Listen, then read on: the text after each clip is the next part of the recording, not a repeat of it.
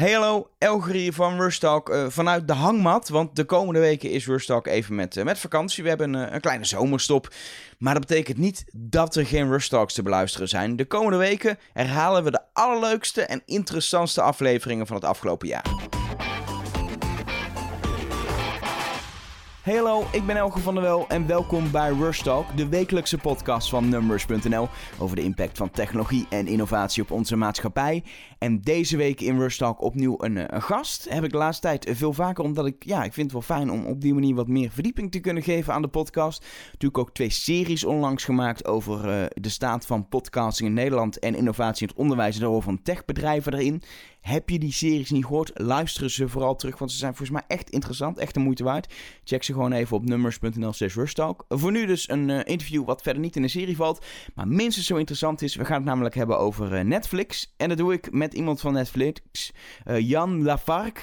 Spreek ik vast niet goed uit. Het is Frans en mijn Frans niet zo best. Maar Jan is manager corporate communications voor Netflix. Voor Europa, het Midden-Oosten en voor Afrika. Oftewel, die gast die vliegt continu naar andere landen om, om dingen te regelen. Um, zijn kantoor is in Amsterdam, want dat is het hoofdkantoor van Netflix voor deze hele regio.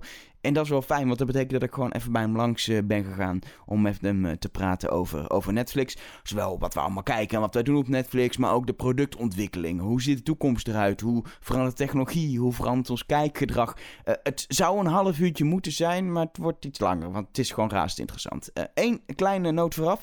Het gesprek is wel in het Engels, want ja, Jan is een Fransman en ja, Frans leek me helemaal goed idee, wat dat kan ik niet. jij misschien ook wel niet, maar Engels moet wel lukken, dus het hele interview is in het Engels. Um, maar volgens mij prima naar te luisteren. Um, dus ja, veel luisterplezier. Jan, nice to talk to you about net Netflix and how you're doing in your in your new Amsterdam office. Thanks you. Thanks for inviting me. It's it's like I think the office is like half a year ago it opened here or something. Exactly. We moved uh, here uh, around April timeframe, I would say.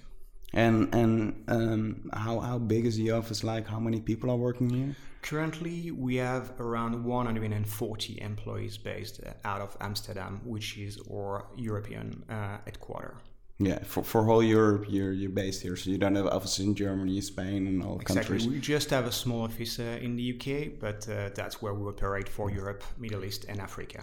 When, when we're going to talk about Netflix for half an hour, I think we can only talk for half an hour about just a few nice shows you have, and I think a lot of people watch. But I think it's more interesting to to really get in in Netflix and the role it plays and how we watch television, consume media, what we do at our time, and the things a little bit are glooming at the horizon of the future. Um, but first, it's it's four years now that Netflix was introduced in the Netherlands, and I think when I look at my my friends, my family, that you you with your company really changed something in what we do in the evenings and on our weekends. Is is it true that That's you really had an a, a impact on our lives? That's true. Uh, looking back four years, uh, we reached the uh, Dutch market, and we, I, I, think, I truly believe that we disrupted the industry. Uh, if you think about it, uh, you have access to unlimited content, hundreds of thousands even of TV shows, movies, documentaries, uh, stand-up comedies, or kids content on demand. You're not prisoner of the linear television anymore, of a grid, of having to watch your favorite show on a Tuesday night. Uh, there's no advertising. It's really affordable. It's a price of, let's say, uh, two coffees somewhere in downtown Amsterdam. Uh, and we get amazing exclusive content. So yes, it's true. Like people, if you if you ask around you, uh, I guess uh, we change the lives of the people. Yeah you, you don't give real numbers about the, the, the, usage in Netherlands, I think, or not? No, we don't do a, a country uh, breakdown uh, analysis. We just uh, give the numbers in the US, uh, which is around four, 52 uh, million users at the moment, and 52 million users as well uh, internationally. But what we see is that we're catching up with all the countries outside the US. that's where the growth is coming, and now Europe is one of the most dynamic markets in the world. And, and can you say, uh, without having real numbers about how Netherlands doing in Europe and internationally? Uh, Netherlands is uh, one of the, uh, uh, let's say, uh, you know, oldest country where we launch. and what we see is that the longer you stay in the market, then the more mature it becomes. So there's literally millions of people that are subscribing uh, to Netflix in Netherlands. Uh, the performance in terms of subscribers is really high. Uh, and I guess if you just uh, check on uh, your social media channels on Facebook and Twitter, uh, you will see how many people in your friends or your family or your colleagues are talking about the Netflix shows. then you will have a fully, truly grasp of how popular we are. Yeah.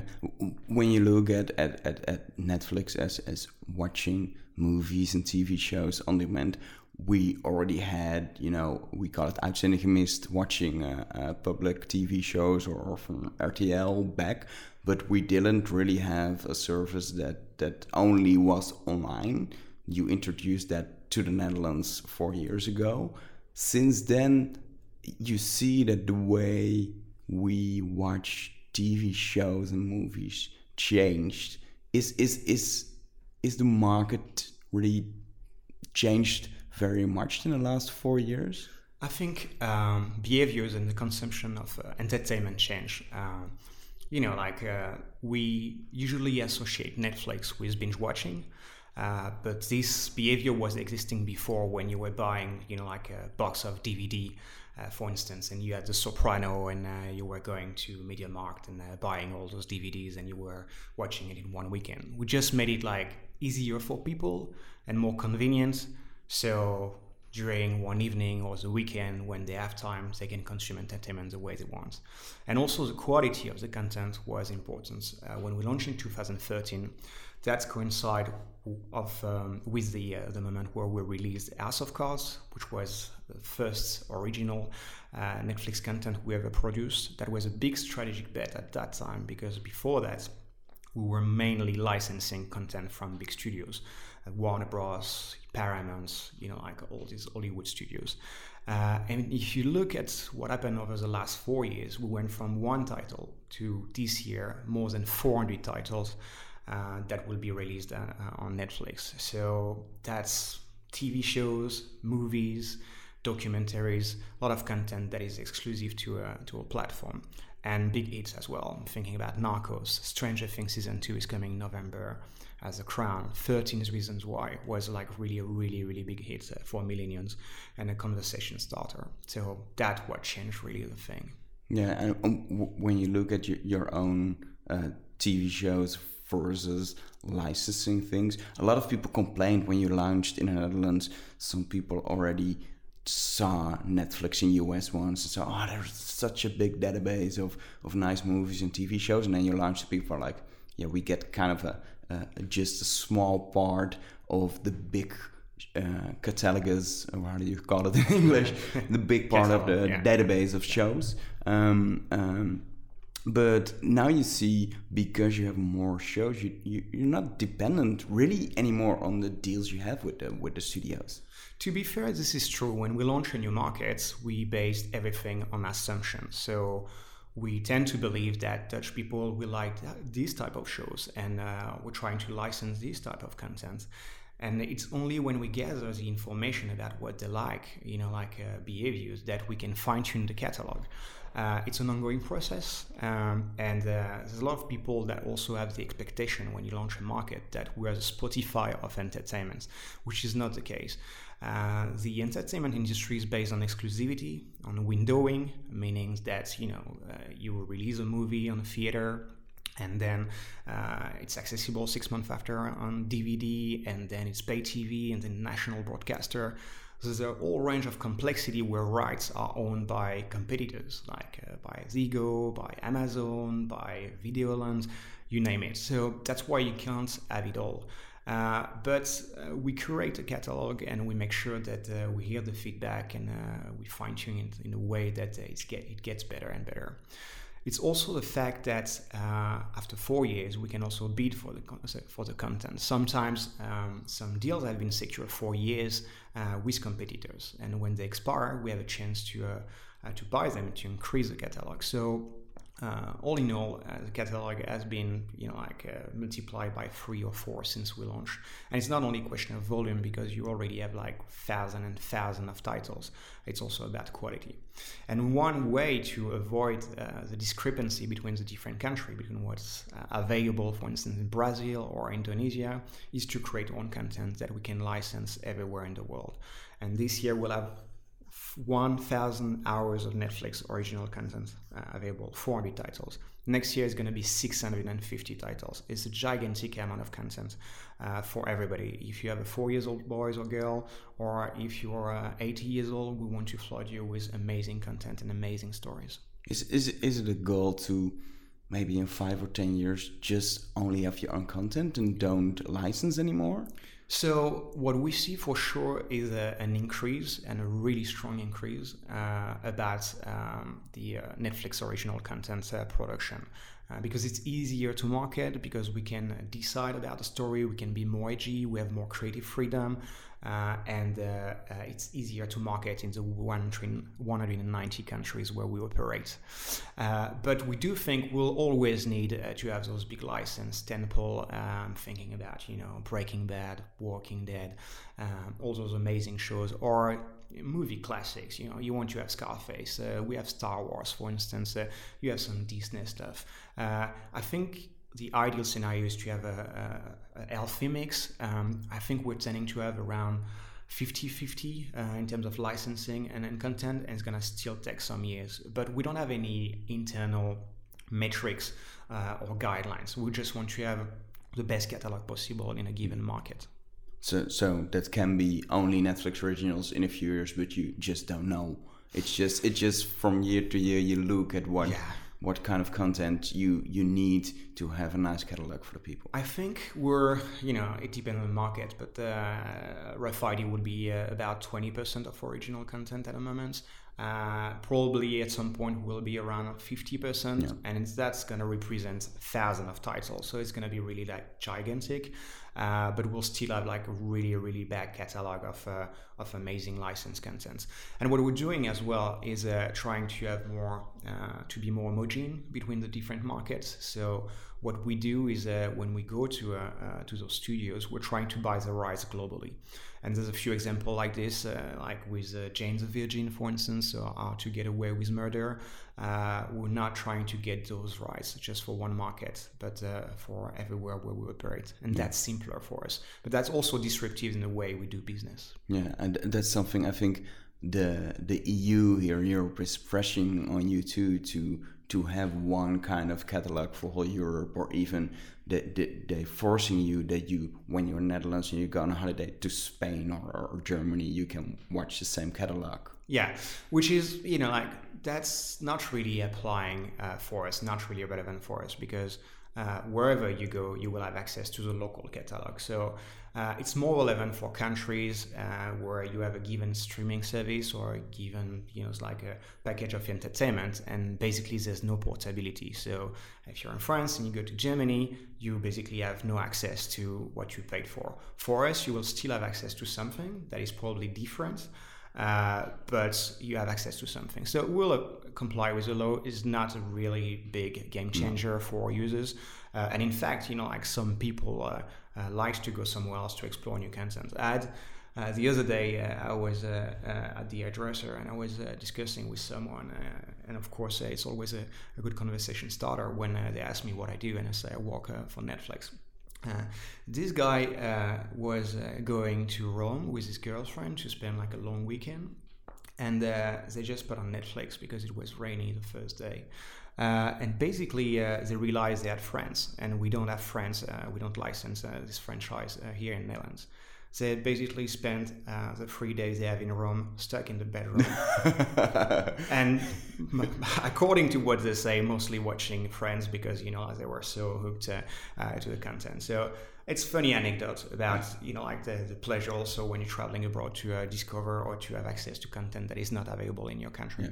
But in an ideal world, the, the the the whole catalog is the same in every country you go. It's, it, I, I know it's not possible without licensing, but that's the, that's what we uh, want. we are aiming. Yeah. You know, like uh, it's gonna take years, but uh, uh every day that is passing, uh, we're getting closer to something that is unified to more markets. Yeah, a, a big difference between four years ago and, and and now when you when you look at the market is that uh, when when you started, you had normal television and you can uh, buy a DVD uh, or something like that, but you don't have a really range of streaming services. Now we have Amazon Prime is launched in the Netherlands. I don't really hear people talking about it, but it's here. Yeah. Uh, we have uh, uh, RTL, which has uh, Videoland, um, their own service, and, and they really, I think, trying to fight to you as a big giant as the small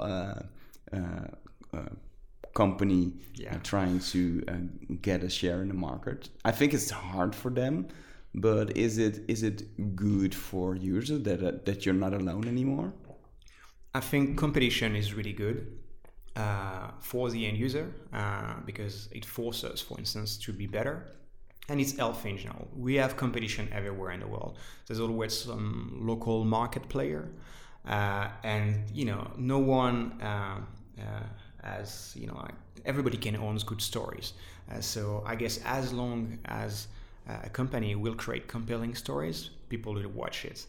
Um, it's it's great to have Amazon and uh, Hulu in the US and uh, other players coming into to the market. Sometimes uh, analysts or journalists are thinking this is a threat for us, but we predicted if you check our long-term vision is you know like uh, we're really thinking that everything will be on demand and on the internet in the next maybe 10 years 15 years 20 years.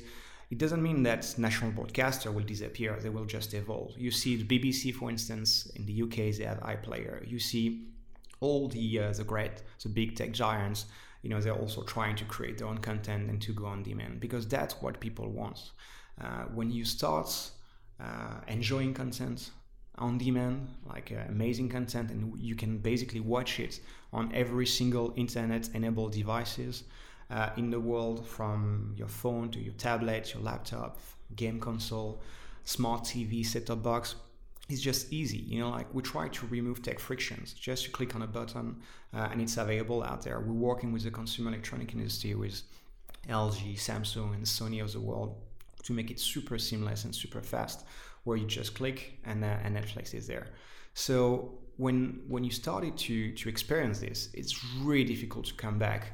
Uh, to go back to, to normal television that is crippled with advertising, where you get the news broadcast right in the middle of your movie, uh, when you're watching your TV series and uh, you have to be there, you know, on a Tuesday at 8:30, not to miss it. But maybe that day, you know, like you go, you want to go to a concert, or uh, you want to uh, have drinks with your friends. Uh, this is creating frustration. So there's a strong, there's really a strong trend uh, for all the brands and all the players to move on demand uh, and to have this app-based approach. So this is going to happen. Uh, it's a strong trend. Uh, it won't change, and, and uh, you will see more players coming to the market. and I guess the one telling the right stories will be the one surviving. Yeah. I, I, I think when you look at the uh, US market, people are kind of used to from from the cable networks that you pay on a, a, few different subscriptions on a different networks. But Netherlands, we are really used to you pay like 20 euros a month and you get a whole television package with a lot of channels. Um, people are kind of getting used to get Netflix with that for, for like uh, about 10 euros but it's kind of going to a world where when you want to this and that and that you need to have three four subscriptions. Are, are people in netherlands ready for that do you think? So it's it's not a market that where the winner takes it all. Uh, we're so affordable if you think about it 7.99 is really nothing that you can have other services. And in the us uh, where the market is a bit different you know cable is expensive it's around $100 uh, and you have many channels, probably you don't watch that much. Uh, and that's why there's this strong phenomenon of cord cutting where people, you know, like are sick to, you know, like pay a lot of money for something they don't watch. So they replace basically their entertainment uh, offer by Netflix and sometimes by with Amazon and or Hulu. You know, you can have like two to three, and uh, it's complementary because it's based. It's a world based on on exclusivity, and uh, we have amazing shows. And uh, but uh, uh, if you look at you watch and you follow the Emmy Awards, Hulu just gets the best drama this year. So you see that now there's a really uh, a strong shift in terms of investment and the quality of the content that is created uh, is mostly coming for uh, the, from the streaming players like Amazon uh, and uh, and Hulu and, and, Netflix. And at the end of the day, it's it's really beneficial for the end users. So to come back to the question regarding are the Dutch people ready to pay for different services? I think if the offer and the value is good enough, people will do that. Yeah. So so so just a kind of change of mindset that's going slowly in, in people people's mind. Yeah.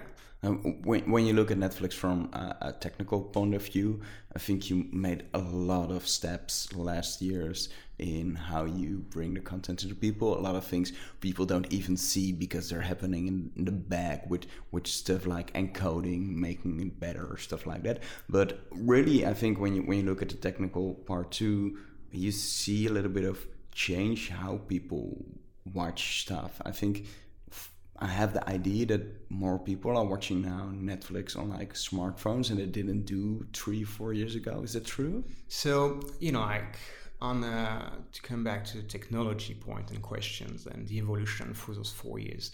Uh, we work with um, you know ISPs with uh, Ziggo UPC for instance to get set-top box integration to make it easy for people to access uh, the content we worked a lot with uh, uh, encoding to you know have the opportunity to stream Netflix with the lowest uh, possible bandwidth. Uh, right now, we can do ProRes. It's like with 0.3 megabyte per second, you can still uh, watch Netflix without buffering. So the enemy for us is the buffering. We want you to have like a really seamless experience. Uh, for people that um, you know like that that want to have something maybe clearer in terms of benefits uh, and technology, we pioneer um, the best picture quality possible uh, uh, content. Uh, same thing on on the sound. Uh, four years ago, 4K barely exists. we had one show; it was House of Cards that was in 4K. Now we have over 1,000 hours in 4K content, and nearly all the Netflix original content is produced in 4K. HDR, same thing. HDR, it's amazing. So 4K is about uh, having more pixels. Uh, it's twice as much pixels as a uh, high definition, and HDR is about better pixel. The black blacker, uh, it's more vivid the color, and uh, and the rendering on screen is basically more more lifelike, more immersive. Uh, people need to buy a new television to experience to, exactly, that. Exactly, you need to buy a new TV, and uh, and that's why also um, you know like the TV manufacturers uh, can upsell and uh, you know like uh, can sell their TV a, a, bit more you know like expensive. But to be honest, uh, you know sometimes the technologies are a bit gimmicky, but with HDR it's mind blowing. It's so lifelike and immersive. You really truly have the impression that the characters are in the living room with you and now we just added uh, Dolby uh, Atmos, uh, which is also a more immersive sound. So in, in, in, terms of picture quality and sound quality, which are you know like the two important things when you watch content, uh, we are we are just getting the best possible technology in the world. It's as good or even better with what you can find in a theater or in a cinema. Uh, it's just really really good and, uh, and interesting and, and something also that uh, we did uh, and uh, it's it's a bit funny because um, for a long time we were against it because we're a streaming company uh, we also made it easy for people to continue to watch Netflix on the go when they're traveling by enabling a download feature uh, and that was something that is I guess convenience when you're traveling or you're taking the train and potentially you don't have access to uh, uh, to Wi-Fi or to internet. So that was something that uh, came on top, a bit of a cherry and on top of the cake, and uh, and we'll continue to uh, to invest uh, in new technologies to make the experience better and smoother and slicker. Um, for for a lot of years, people asked like, "I want to download Netflix," and you said, "No, we're not going to do that," and because you don't know what you want to watch, uh, at the moment you are offline and stuff like that and in the end kind of you you we change you made, made yeah. change your mind. What do you know? It's not your decision, but the company's. But do you know what what the decision was? What what of drove course, it? Of course. Uh, so the initial decision uh, for not doing download was uh, because it was adding complexity. Uh, you know, like when you just click on a button and uh, you can start streaming. You know, like it's easy. Everybody can do that. Uh, we're a lifestyle and mainstream, you know, like a company and brand. We don't want to add complexity. Uh, when you need to download something, well, you need to have enough space. You need to uh, have the time. You need to plan before. Uh, we also need on the financial side to negotiate all the rights back uh, with the right holder on the licensing side. So there's a cost attached to that. It takes some time. It's a bit complicated. So it wasn't a technology hurdle because when we decided to do it, we did it in, in a question of a month. Uh, what triggers a change in terms of decision making uh, was the fact that we became a global company, the first uh, international network uh, in the world in 190 countries back in January uh, 2016. And we realized that in some countries where internet is really bad, uh, basically the only way to consume content and also like the local behaviors is to download the content. Uh, and at the opposite side of the spectrum, uh, you can have uh, countries like in South Korea where they got the best internet in the world, but that's just how people is, are consuming the content. They download it, and uh, if you go in a in in a subway, for instance, in Seoul, you will see 90% of the people like on the phone watching content they've been downloading. The rest of the people is sleeping. No one is reading. No one is doing anything else. It's really disturbing. Uh, but we had to cater for this audience uh, and we mostly did it um, for this uh, audience that was like outside let's say the western world. Uh, because you know like of course if i look at the, the people in the media industry i'm talking to them every day or my colleagues we're always on the plane we're always on the go so we're always thinking, oh yeah, that's there's, there's a strong case for that. But the reality is, there's a lot of people that don't necessarily use it or don't need it because their lifestyle doesn't require to uh, necessarily download. Uh, but we did it, and and it's uh, it's great for the end user at the end. So it also shows that uh, the company is not necessarily stuck with its principles. Um, mm. it's fine to recognize when uh, a decision was bad uh, and at the end of the day, we did it, and uh, and we're we're glad we did it. Yeah. Are, are, more people now watching on their phones thanks to downloading? Uh, so what we see is that uh, there's more and more people watching on their phone, uh, but it doesn't mean they watch a lot on their phone. Um, the the bigger the screen, uh, the more the hours uh, watched are. So basically, you know, it's what we call the 10 foot experience. So when you get your television, most of the hours are watched out there. Uh, the smaller the screen, when you, you reduce it to, for instance, a laptop, then you know, there's less hours, and it's tablets, and then it's a phone. But it doesn't mean that you know, like a, uh, there's not literally like maybe half of the people watching content on their phone. What you see in the behaviors is that, for instance, uh, the average Dutch person uh, will go back at home uh, and during prime time uh, because people watch the television pretty with similar timing than, uh, than linear television. Uh, they will just go and uh, and you know like put the television starting to watch a TV series or a movie for one hour, one hour, one hour and a half, and then maybe they're a bit tired and uh, they're gonna finish in the bed uh, on the laptop or uh, maybe the iPad, and maybe they fall asleep. And uh, in the morning when they commute, uh, maybe they will finalize, uh, you know, like their series or their piece of content or entertainment on the phone. Uh, and maybe when uh, they're binging, uh, they will skip lunch and they will watch uh, on their laptop during the lunch break. You know, so you see based on the on the time of the day uh, or the week uh, and on the device that people are evolving. And we're platform agnostic. You know, like we're trying to get the best experience possible for people on TV with 4K HDR and all those great technologies. And we're also trying to get on the lowest end to have a, a really good service and performance on the phone for people that have a pretty uh, uh, uh, crappy internet. Yeah. You invested a lot of in uh, in that kind of thing yes. with with the encoding, with the downloading option, with introducing 4K HDR. Is there is there a next step on technology perspective because it kind of feels like you're kind of finished for the moment? Well, you know, uh, first, uh, it's you know what you're saying about the technology is important. That more and more, more and more people are, are thinking of us as a Hollywood studio, for instance. Most of the people working at Netflix are based in the Silicon Valley, and they are engineering people. We have around 2,000 people out there. Uh, and we're a bit more than 3,000 employees. So the main bulk of the people is strongly anchored in the valley, and we're spending one billion dollars uh, in technologies to improve the service and make it like absolutely perfect. Uh, a lot of money is going into the algorithm, for instance, recommendation, uh, and uh, and we'll continue to do great work about it. Um, it's difficult to know about you know new technologies in the future because some of them can be a bit niche or not really apply properly to uh, the entertainment experience uh, and uh, we're gonna see. We're monitoring everything just to make sure that we're not missing the boat. But uh, uh there need to be a critical mass, and there need to be a benefit for the user. We got a question a lot about virtual reality, for instance, and for now, uh, we're not really bullish with this technology. We think it's amazing for gaming, but it's more complicated to tell a story on a movie or TV series because if you've been experiencing it, it's like after five or six minutes it's a bit overwhelming. You can feel a bit dizzy. Uh, so, you know, you will need some directors to try uh, to tell some stories about it and see if it's uh, if it works well uh, before this is becoming mainstream.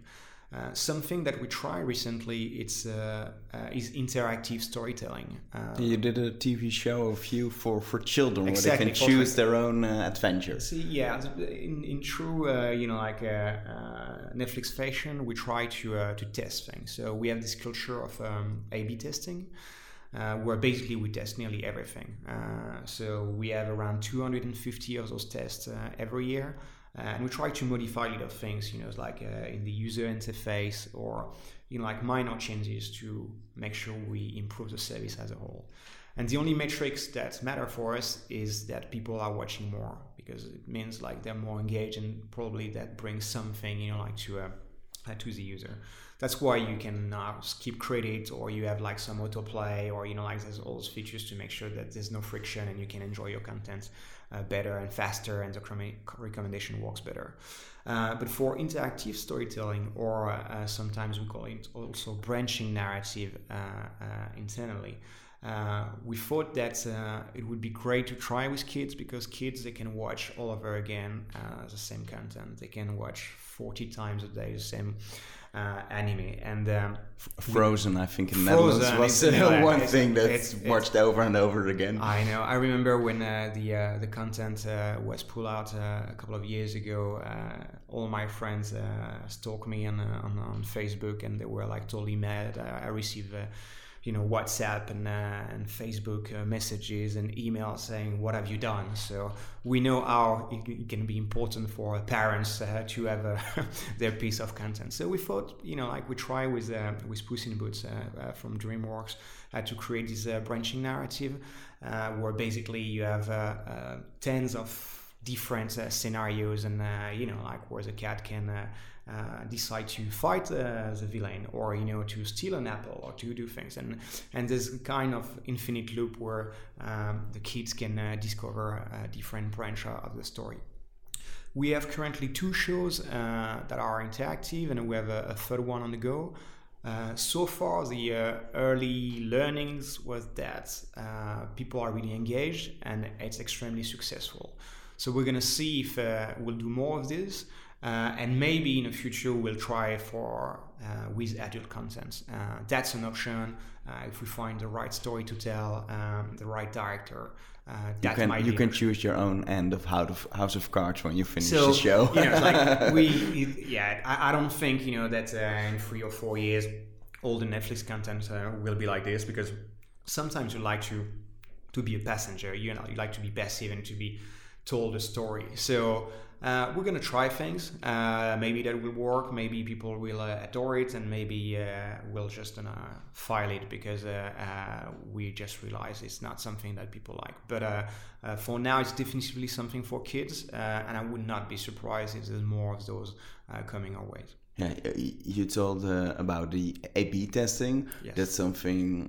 there's a lot of I think, written about all the kind of stuff you, you test. I think we can do a separate podcasting just about all the nice things you tested. But do you have one example or something you tested and then you was kind of not just kind of amazed with what came out of it and you changed something with the with the insights you got? Sure, uh, there's so many of them. Yeah, that's what instance, I said. We know, can like, talk for half an hour. if you think uh, uh, about, uh, for instance, a key art like a, poster, you know, like a, uh, of a movie. Um, like if you go to the movies, uh, you will always see one key art, like one iconic uh, you know, like poster for a show. Uh, you remember like Titanic or Jaws or, you know, like all those movies. There's basically uh, one image that is like the hero image and, and that's it. Uh, not for us. With the, uh, the, the, Netflix original content, we might have 10, 15, 20 different images. So what we tried to do, we were thinking, you know, it's really difficult to tell a story or or to encompass, you know, like uh, the full storytelling of a, uh, of a show or, or a movie with just one key art. So what we've done is creating like 10 of them and then to try them in different countries. So we have those small pockets of you know like uh, new members, for instance, and uh, and you know like the next show, Narcos, for instance, will um, uh, will have like one art with uh, the face of Pablo Escobar, and uh, maybe uh, another one with a bullet, and another one with nose bleeding, another one with some coke, for instance. And we're going to try those based on the country level and see, you know, like if people are clicking more, if there's more engagement. And we realized that, uh, well, uh, a specific yacht could uh, work extremely well in Brazil and could be a total failure in the Netherlands. So those things are, you know, like little things that uh, are improving, you know, like uh, not necessarily the user experience because you don't necessarily know that they like, you know, like to see this type of visual in Brazil, you know, but we can better market a show and uh, we can tell you and empower you more in the decision making process about this. So right now it exists at a country level, but we're probably gonna change this at a, at a cluster level of taste, uh, meaning that um, you know maybe um, uh, you're more an action person, uh, so you will see a, Uh, a visual uh, uh, about Narcos with uh, the explosion of uh, the helicopter, uh, but maybe. Um, you know, like your partner or your friend are more about history and you know, like those true life facts. So they're gonna get the face of of Pablo. Uh, maybe some people are more interested about uh, international shows, so about Latin American channels. So they will have something like a picture of uh, of uh, Medellin, um, and will this will be capturing you know like nearly even in, in your own account. If uh, three people on your account because uh, you're sharing with I don't know your brother and your partner, you will three of you will watch on their own Narcos, and they will have a different key art. So those the type of thing that we A/B test. But there's literally like 250 per year on average, and uh, we've been operating for uh, now 10 years on the streaming industry. So there's a lot of testing going on. And I, I think you have a, a, lot of data that is that is brought a lot of uh, money for other companies, but but you you don't sell anything from your people's data that's the beauty of it. You know, privacy is really important for us, and we don't sell advertising. So we don't know anything about you. Uh, we don't know if you're a man, a woman, if you're young or old. Uh, where do you live in the Netherlands? Uh, because we don't. We know you're in the Netherlands, but you could be in Breda. Uh, you could be in Rotterdam or Amsterdam. We don't really care. You can be rich. You can be poor. We really don't care. When you sign up, we want to. We need basically an email address and a mode of payment. And the rest is just what you watch that is that matters to us. So you know, you will sign up and we'll ask you three shows that you like or that you might like, and that's starting. You know, that the first trigger of the algorithm. And then every time you watch something, you know, like it's it's giving us signal, and uh, we can fine tune and try to know you like better and better.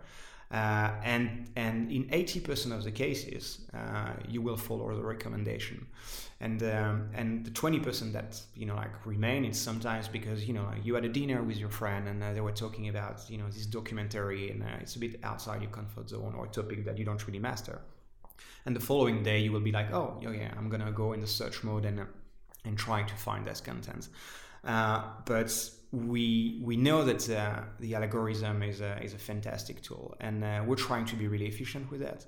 We also know that we have between 20 seconds uh, 90 seconds sorry and two minutes to convince you to click on something uh, after two minutes if you browse a catalog and the recommendation and uh, that you don't find anything probably you will just uh, you know like do something else you know watch normal television open a book uh, have a drink with your friends, something like this. So those are what we call the moment of truth. Yeah. Uh, to win, you know, like uh, um, some share of your time in terms of uh, of entertainment.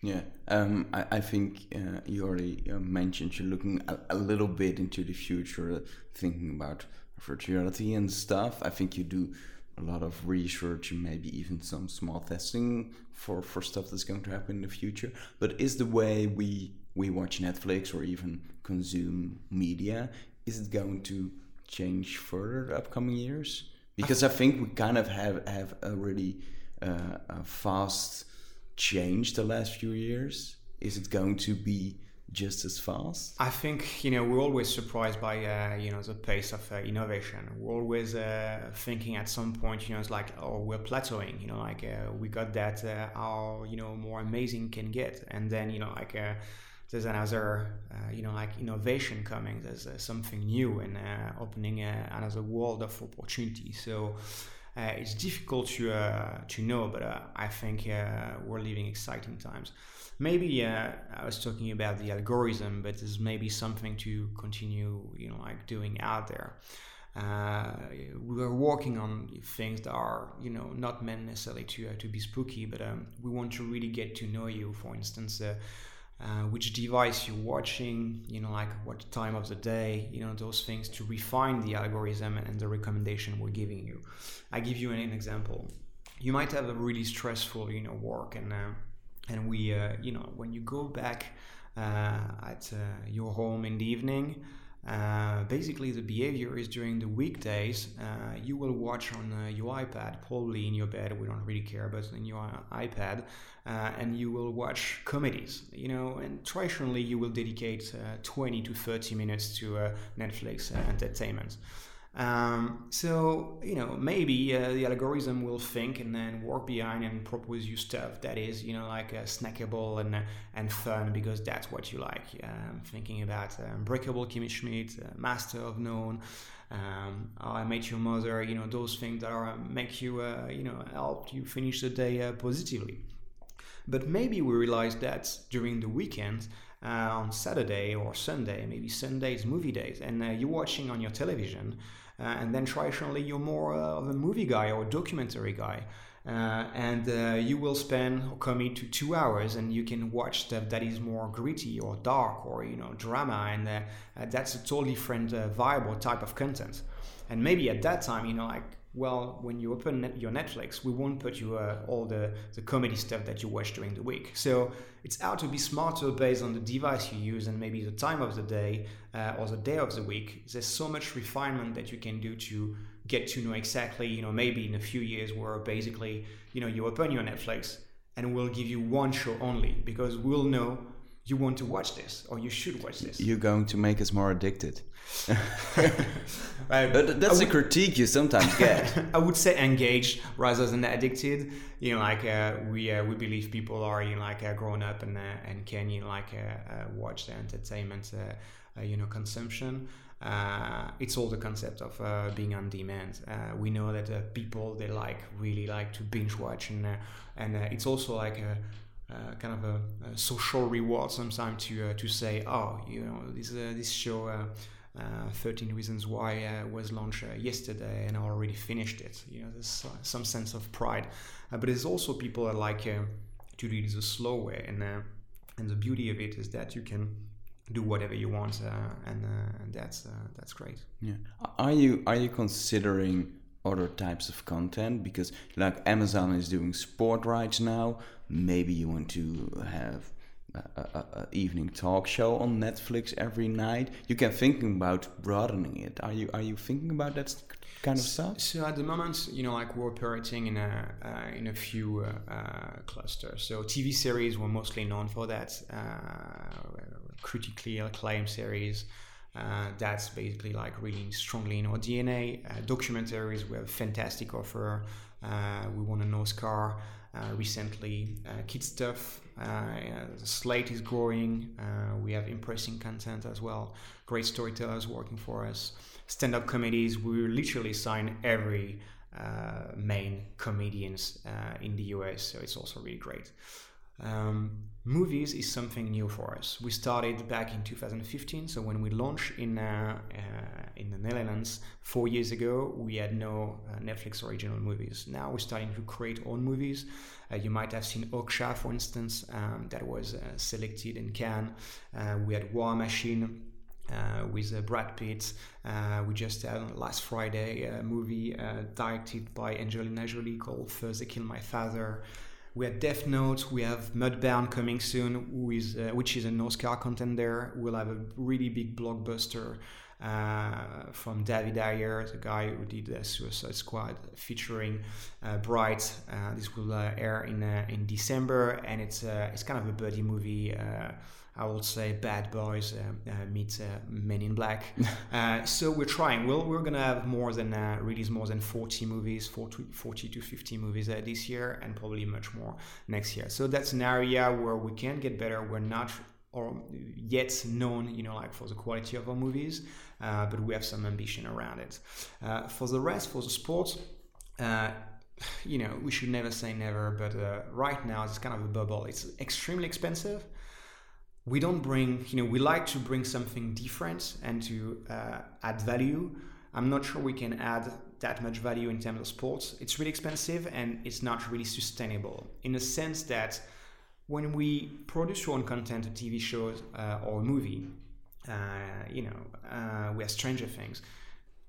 If in three or four years someone is signing up in Uganda or Indonesia and start watching Stranger Things, you know, it's fine for us. It's good investment. Uh, if you buy, uh, you know, like the, the Liga uh, in Spain and uh, or you know like uh, uh, whatever sports, you know, like a franchise, once you know like it's live and the following day or even hours after when you know the results, no one has an, in- no. an interest to watch it back. So. it's it's a business model that is not really you know like smart for us. Uh, we tried things differently. Uh, we had this show, for instance, called Ultimate Beastmaster, uh, which which was uh, I don't know if you're familiar with uh, American Ninja Warrior. Uh, that was a bit of the same concept, but with different countries and on all hormones. It was like really like something that uh, fun and cool. Uh, it was produced by Sylvester Stallone, uh, and we will have like other seasons like this. So we're trying to do things that are at a crossroad of you know like real TV and and and also sports competition. in terms of talk show, we have this talk show with Chelsea Handler called called Chelsea on a weekly basis. Um, so those are you know also like trials where we uh, we see if uh, uh, if this content is sticking, if there's some appetite, and we'll try more of those. Uh, but for, the moment, we if we we nail it, and if we basically uh, are creating amazing stories and TV series, documentaries, and, and movies, uh, it will already take us a long way. Yeah. Oh, you're losing uh, Disney rights in US and, and, and maybe later outside US um, on their own streaming service. Uh, Star Wars, uh, uh, Marvel movies with it too. It's kind of a, a, a, slap in the face, I think, that you lose it. But it makes room for uh, putting the money in something else. I think. Are, are, are you are you going to make more own content for children or something because you you lose Disney? So first, you know, as a Dutch, uh, you know, like a customer, for instance, you will not be impacted because this is really US only. Uh, and what but is it happening, can be in a few years they can go international. Maybe, maybe you know, it's also a streamer resources for them. So we're gonna see. We what what is happening is that we'll have a deal with Disney until 2019. So for now, nothing will change. And then in the US, we have what we call it's a bit complex a P1 window uh, that will expire. We'll still have some Disney content uh, in the platform. It's just that um, uh, the first window uh, of the Disney's freshest uh, Disney content that is going on the movies. You know, after three months or six months when they've been releasing the movies, they were directly going to Netflix in exclusivity. That is what we will lose, and uh, it's still unclear if Star Wars or Pixar or DreamWorks or Marvel will also follow suit. So uh, it's kind of a wait and see approach. Uh, we have such a great and fantastic offer that I'm not sure that people will unsubscribe um, because you know uh, they uh, lost you know some of the shows, and we'll still have some uh, some shows on Netflix uh, in the platform. Outside the US, for now it's business as usual. So I wouldn't be like too worried, and, and we're gonna see as well. You know, like uh, Disney, uh, it's difficult to talk directly to the consumer, as they will have to build a streaming service. Uh, they will have to also like negotiate with cable operators. I think that will be like the most complex part for for them because they want to debundle the offers they have currently at the moment. Um, so it's to be interesting. Pricing will be also like uh, something really uh, really relevant we got tons of competition everywhere. Uh, for now, we're not really stressed about it. Like the philosophy of the company is to really focus 95% of what we do about what we do, about being better and great. If we tell amazing stories that people, you know, like uh, are fearing to miss out because, you know, like the most amazing content ever created, they will stick with us. Uh, so that's basically the spirit for us. Yeah. Uh, uh, last question. Uh, uh, people always want to know what's what's coming next. Next, I think in TV shows. You already mentioned new season of Narcos. I think we can expect something next year. New season of House of Cards.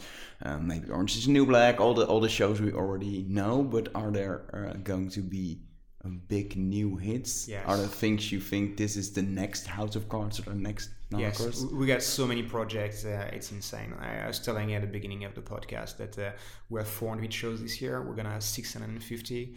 So you know, including all the shows, all the movies, you know, that will be different. So there's potentially I don't know 300 or 350 uh, new piece of content that will be created. Uh, so in the mix, there's some amazing movies, amazing TV series. Uh, also, we're ramping up more and more um, local production. Uh, people are we getting our own uh, Dutch uh, TV show?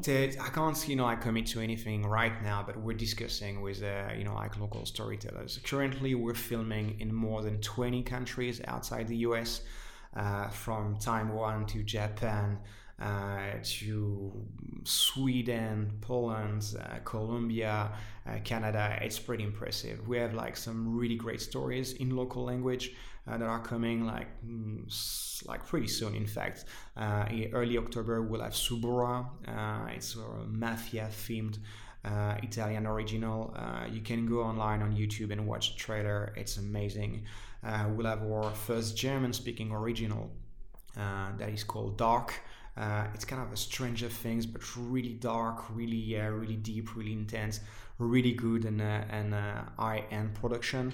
And those shows are not designed uh, to necessarily please, you know, local audience. Uh, we want to export them everywhere in the world and to be successful everywhere in the world because we think great stories transcend borders. So we don't see ourselves as this uh, Hollywood company that will, you know, have this uh, imperialist approach and uh, really like force into your throat all this American content. We have literally dozens uh, of local stories. Uh, that we're gonna share across the world, and uh, and and with stories that you know like no one is telling. no linear broadcaster will you know dare to invest in content that is that edgy, for instance and also on the uh, Hollywood side and uh, you know like on the studio side what you can see is like they're pretty risk averse uh, like the box office is really low like it's 20 uh, 20 years low at the moment of the summer it was like really bad it's also because they're not taking risk they only you know do the same type of franchise uh, fast and furious Pirates of the Caribbean, Transformer, Star Wars, and basically, you know, like they milk the cow. But uh, there's no other stories that are really emerging. Uh, and that's why we have, you know, like the uh, War Machine with Brad Pitt. We have like Okja uh, from Director Bong, uh, South Korean director, like those voices that are really struggling to fund uh, the, uh, the the story of their of their lives, or you know, like what they what they dream about. And I think we have a, a really key role to play in the industry and the ecosystem to uh, to have those different stories, those different voices. So uh, the future looks bright and uh, and really exciting. Do you, do you have one other sneak peek? Something we need to watch in a few months? you know, like uh, it depends uh, what uh, what you like. But uh, Stranger Things uh, two is uh, is coming around. Halloween, Making a Murderer two will also like before the end of the year. Bright is the next big thing for me. like big, you know, blockbuster. Uh, really really cool movie uh, just before Christmas. That's really like the type of uh, of movie that you want to see uh, with your family. Uh, you know, like a comfy in your couch when it's it's cold outside with a glass of wine. it's really truly nice entertainment. It's a it's a big budget and and the thing is if we see that this works, we can think about like much bigger budget budget in the in the future because you know like we're really affordable uh, service and and most of the money that we get from uh, the consumers because basically it's really uh, you and me uh, paying for a monthly subscription. Nearly everything is re- in, is reinvested uh, in content. Uh, this year we have a budget of six billion dollars. we're gonna have seven billion next year, and it's gonna keep growing as long as we add more subscribers and you know you can think that uh, soon we'll have movies for 150 million uh, dollars maybe 200 million dollars. We can compete against a big blockbuster. Uh, and this is really exciting for uh, for our members. Uh, we want really to uh, to make them understand that it's not because um, it's not going to theaters that the content won't be like mind-blowing. And in fact we want at some point um, the theaters to also release our content day and date because they, they don't have the choice because they're thinking Netflix they're doing movies that are so good that uh, it's it's it's not an option for me to refuse it to have it uh, on my screens. Uh, and that's going to be also like something interesting in, uh, in the upcoming years.